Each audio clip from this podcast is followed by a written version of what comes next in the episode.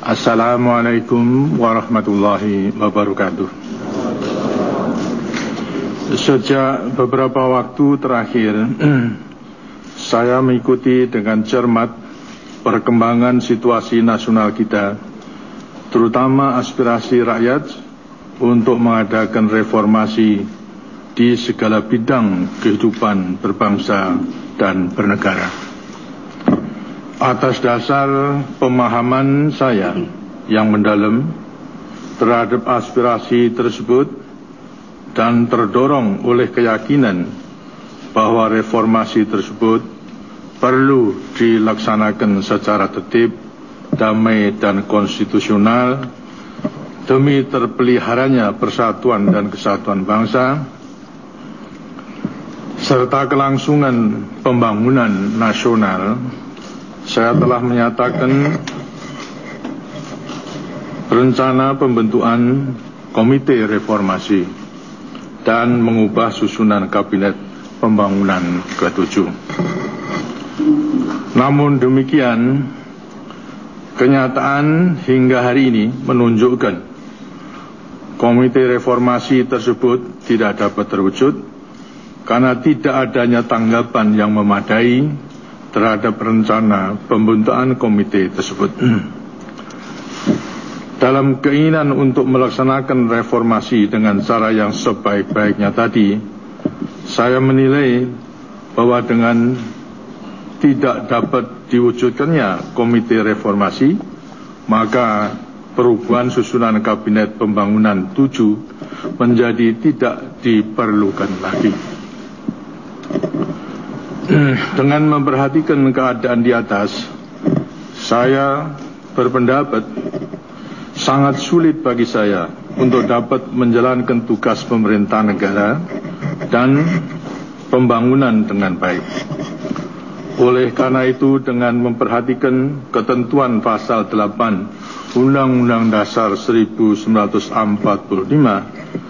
dan setelah dengan sungguh-sungguh memperhatikan pandangan pimpinan Dewan Perwakilan Rakyat dan pimpinan fraksi-fraksi yang ada di dalamnya, saya memutuskan untuk menyatakan berhenti dari jabatan saya sebagai Presiden Republik Indonesia. Terhitung sejak saya bacakan pernyataan ini pada hari ini Kamis 21 Mei 1998.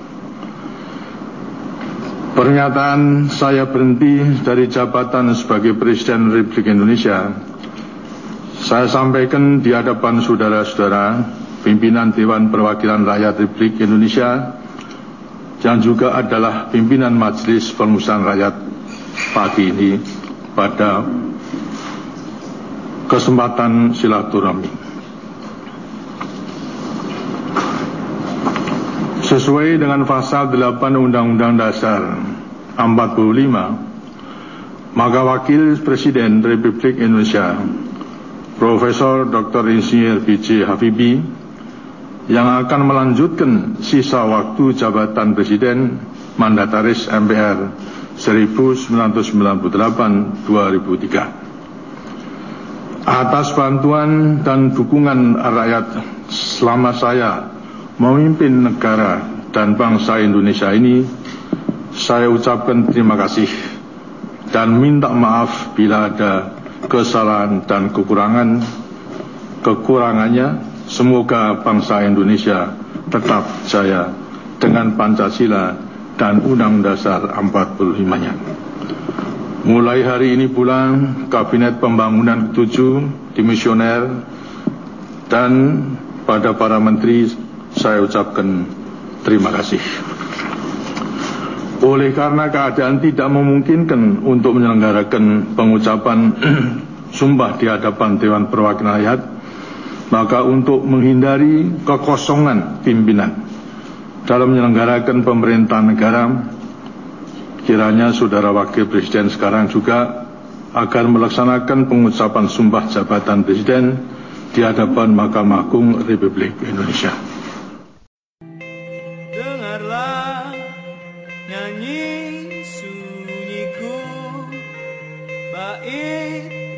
Bauku Rindu terpendam Menyala dalam hayatku. Duka padamu Duka padaku. Saling lebu